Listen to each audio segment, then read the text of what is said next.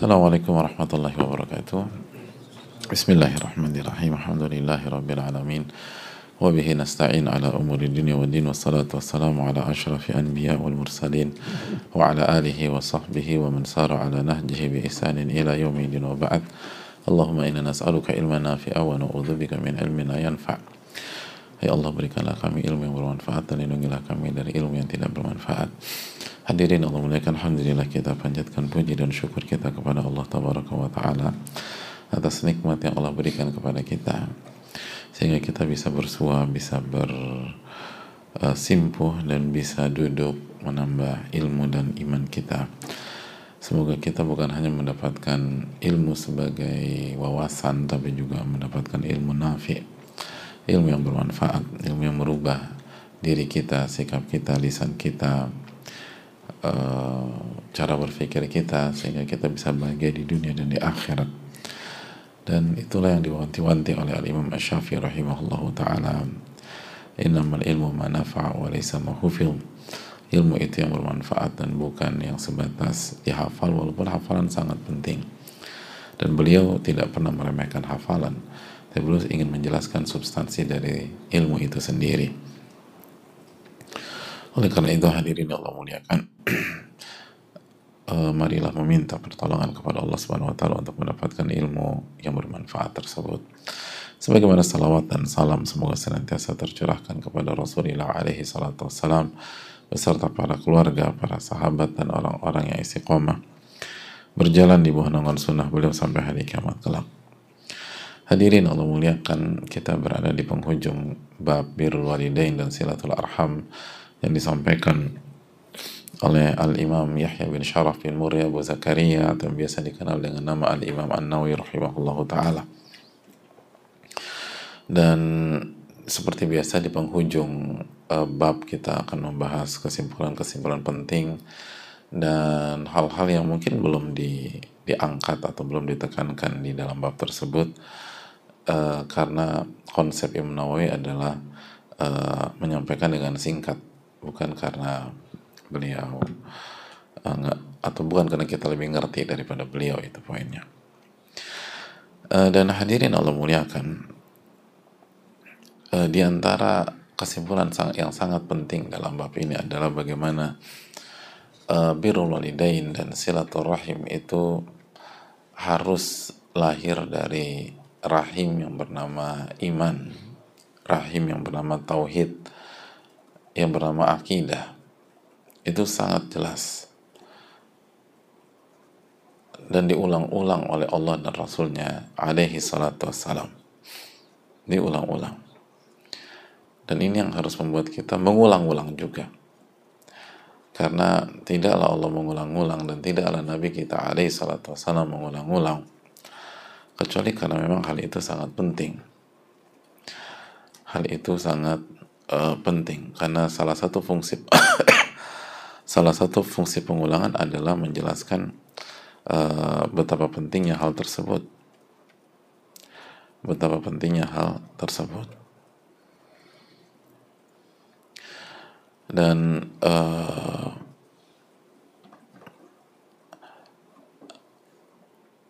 kalau kita mengulang itu berarti kita menekankan dan menganggap itu penting.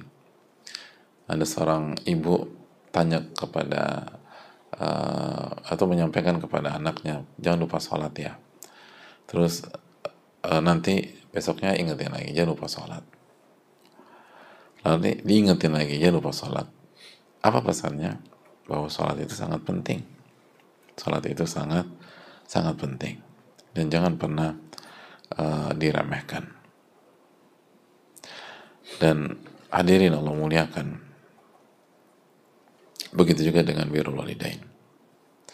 Allah Subhanahu wa taala berfirman, "Wa qad rabbuka alla ta'budu illa iyyahu wa bil walidaini ihsana." Dalam surat Al-Isra ayat 23 dan Allah perintahkan uh, kalian untuk uh, tidak beribadah kecuali kepada Allah dan uh, berbuat baik kepada kedua orang tua kalian.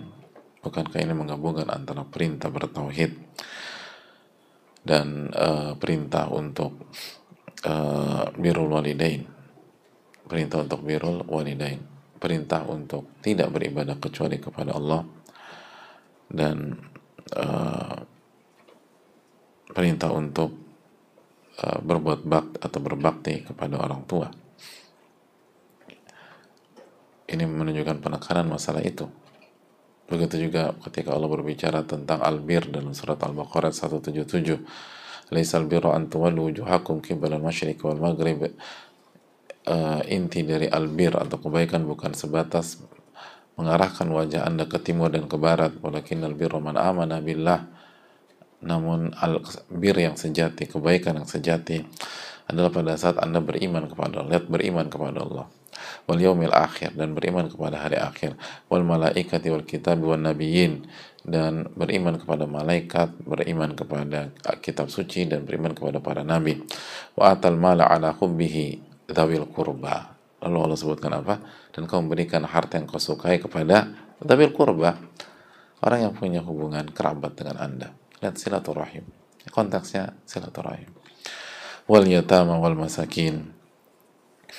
Uh, وبن السبيل والسائلين وفي الرقاب وأقاموا الصلاة وآتوا الزكاة والموفون بعهدهم إذا عاهدوا والصابرين في البأساء والضراء وحين البعث أولئك الذين صدقوا وأولئك هم المتقون jadi sekali lagi hadirin Allah mengatakan inti dari kebaikan inti dari albir itu beriman kepada Allah rukun iman yang Allah sebutkan lalu setelah itu wa atal mala ala hubbihi qurba dan kau berikan harta atau dan ia memberikan harta yang ia sukai dan ia cintai kepada tetapi kurba orang yang punya hubungan kekerabatan. Silaturahim. Dalam konteks artinya masuk ke dalam ranah itu. Jadi ini menunjukkan lagi-lagi iman yang yang harus dibangun kalau kita ingin menjadi anak yang berbakti anak yang uh, soleh di hadapan kedua orang tuanya dan iman yang harus kita bangun apabila kita ingin menjadi kakak yang baik adik yang baik lalu uh, om atau paman yang baik, tante atau bibi yang baik, lalu ayah yang baik, ibu yang baik, keponakan yang baik, uh, sepupu yang baik dan seterusnya. Ini semua dibangun dari itu hadirin sekalian. Ini bukan sebatas hablum minan nas semata dan itu yang kita perlu tekankan, tekankan, tekankan, tekankan, tekankan. Karena kita tahu bersama bahwa uh, ber, berbaik dengan orang tua adalah sebuah value yang sangat universal. Hampir bisa dikatakan semua pihak, hampir kata semua pihak itu menekankan masalah. Lalu apa yang membedakan antara orang beriman dengan yang tidak beriman? Ya iman itu sendiri, ya tauhid itu sendiri, akidah itu sendiri. Dan itu yang membuat birrul walidain serta silatur arham kita benar-benar maksimal dan benar-benar uh, benar-benar uh, solid dan berada di level yang sangat bagus gitu hadirin. Karena ketika iman itu kuat tauhid itu kuat dan akidah itu kuat maka kita akan mengerjakan sesuatunya karena Allah taala. Karena tauhid adalah ikhlas itu sendiri maka konsep kita adalah inna salati wa nusuki wa mahyaya wa mamati lillahi rabbil alamin. Sesungguhnya salatku ibadahku kurbanku atau sesembelihanku hidupku dan matiku itu untuk Allah tabaraka wa taala. Dan ketika kita al-amalu lillah ketika kita melakukan al-amalu lillah beramal hanya untuk Allah subhanahu wa taala karena iman kita kuat atau tauhid kita kokoh maka kita tidak akan mendapatkan kendala yang berarti. Atau kita nggak akan mendapatkan aral dan rintangan untuk menatah hati ketika kita birul walidain dan silaturahim. Khususnya ketika orang tua kita tidak perform. Khususnya ketika orang tua kita tidak mengerjakan perannya. Dan silaturahim jelas. Laisal wasil kal mukafi silaturahim itu bukan membalas jasa. Bukan membalas jasa. Jadi uh, al-wasil kata Nabi SAW adalah pada saat anda menyambung orang yang memutuskan anda dan menyambung orang yang memutuskan kita itu butuh jiwa besar. Itu butuh kebersihan hati. Itu butuh kebeningan jiwa. Dan pembersih hati terbaik adalah tauhidullah ya azza wa jalla pembersih hati terbaik adalah iman kepada Allah subhanahu wa ta'ala. Pembersih hati terbaik adalah ikhlas. Itu udah pembersih hati.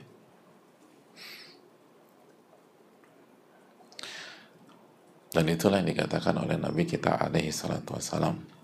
Sikap buruk dari uh, kaum beliau secara umum itu tidak menghalangi beliau untuk silaturahim tidak menghalangi beliau untuk silaturahim. Makanya apa kata Nabi kita alaihi salatu wassalam?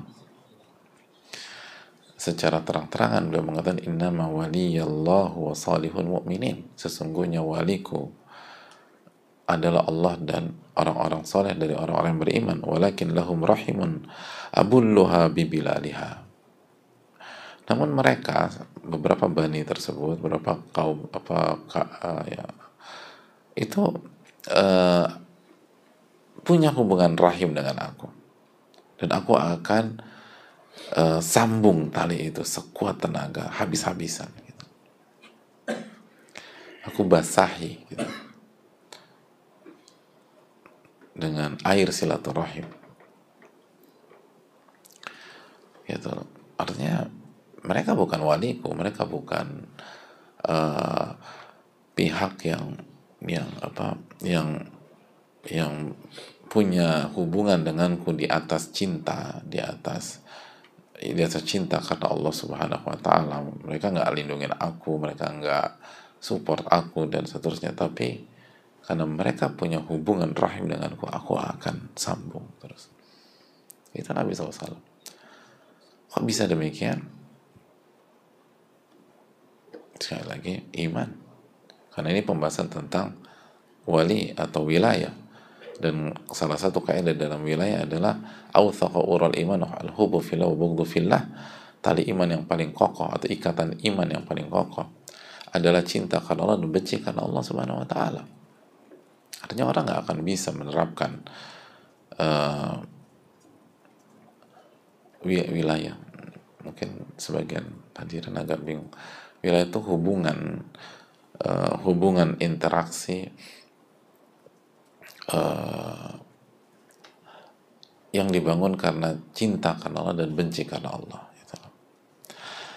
uh, tentang loyalitas tentang kesetiaan gitu tentang support uh, sistem di antara dua pihak atau lebih yang lahir karena mencintai Allah Subhanahu wa taala. Itu nggak akan bisa kecuali imannya kuat gitu aja. Maka hadirin sekalian kalau kembali lagi di penghujung bab ini, kalau kita ingin mengamalkan dalil-dalil atau ayat-ayat atau hadis-hadis tentang birrul walidain dan silaturahim tidak cukup hanya dengan fokus ke masalah teknis, nggak cukup. Tapi yang harus kita lakukan adalah kuatkan iman kita, kuatkan tauhid kita, kuatkan akidah kita.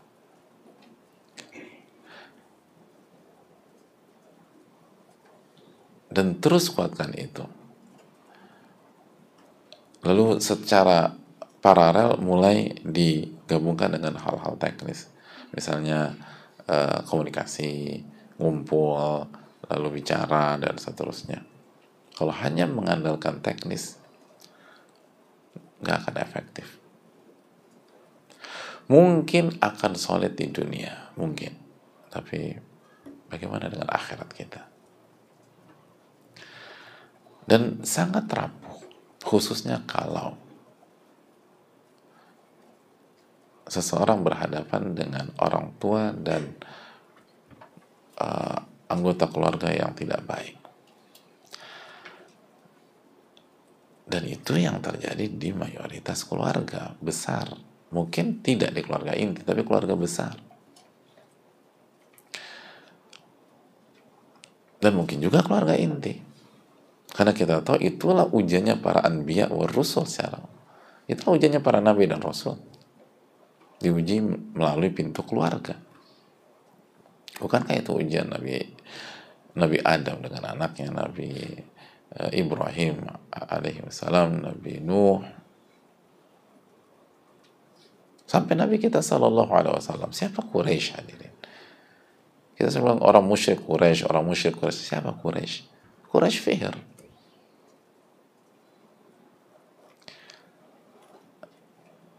Garis ke, apa garis keturunan Nabi ke atas.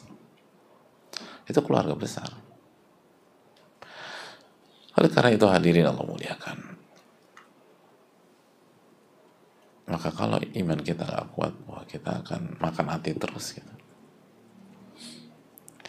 Maka selalu mintalah pertolongan kepada Allah Subhanahu wa taala dan sekali lagi jangan hanya fokus masalah teknis. Teknis penting lah, nggak ada yang meragukan itu. Ngumpul, ngobrol, terus ini mungkin ada apa liburan bareng keluarga ketemuan dan sebagainya tapi kalau nggak dibangun di atas iman nggak di kita nggak memperbaiki tauhid kita kepada Allah Subhanahu Wa Taala sangat rentan. Sangat rentan.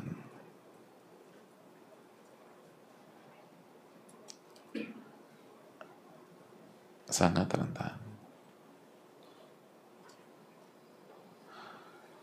itu nggak nggak mudah dia sekarang Allah muliakan dan itu hal yang sangat sulit dan itulah dalil-dalil menjelaskan tentang itu. Makanya kan kita tahu lagi-lagi hadis terakhir hadis Amr bin Abbasah itu kata Nabi apa uh, Nabi SAW arsalani bisilati al-arham. Allah mengutus aku untuk mengajarkan silaturahim wa kasir al-awthan dan uh, menghancurkan berhala wa an yuwahhadallahu wa la, la yushraka bih syai dan disuruh mengesahkan dan mentauhidkan Allah dan tidak melakukan kesyirikan. Kenapa digabungkan? Karena kalau kita melakukan kesyirikan maka akan berdampak ke birul walidain dan silaturahim dan hal-hal lain sebagainya. Itu pondasi itu pondasi hadirin. Allah taala bisa jadi jangan fokus hanya masalah teknis. Teknis bagus. Apa buat acara keluarga selama proporsional selama halal selama nggak berlebih-lebihan dan nggak kurang juga. Terus apa kasih sesuatu dan ini. Uh, tapi setiap kita punya tanggung jawab moral untuk memperbaiki imannya masing-masing, memperkuat tauhidnya masing-masing sehingga itu keluarga benar-benar solid zahiran wa batina secara zahir maupun batin. Di dunia dan di akhirat. Di dunia dan di, di akhirat. Ini yang perlu kita renungkan hadirin sekalian. Semoga bermanfaat dan kita akan lanjutkan lagi kesimpulan di pertemuan berikutnya insyaallah taala وصلى الله وسلم على نبينا محمد وعلى آله وصحبه أجمعين نعم السلام عليكم ورحمة الله وبركاته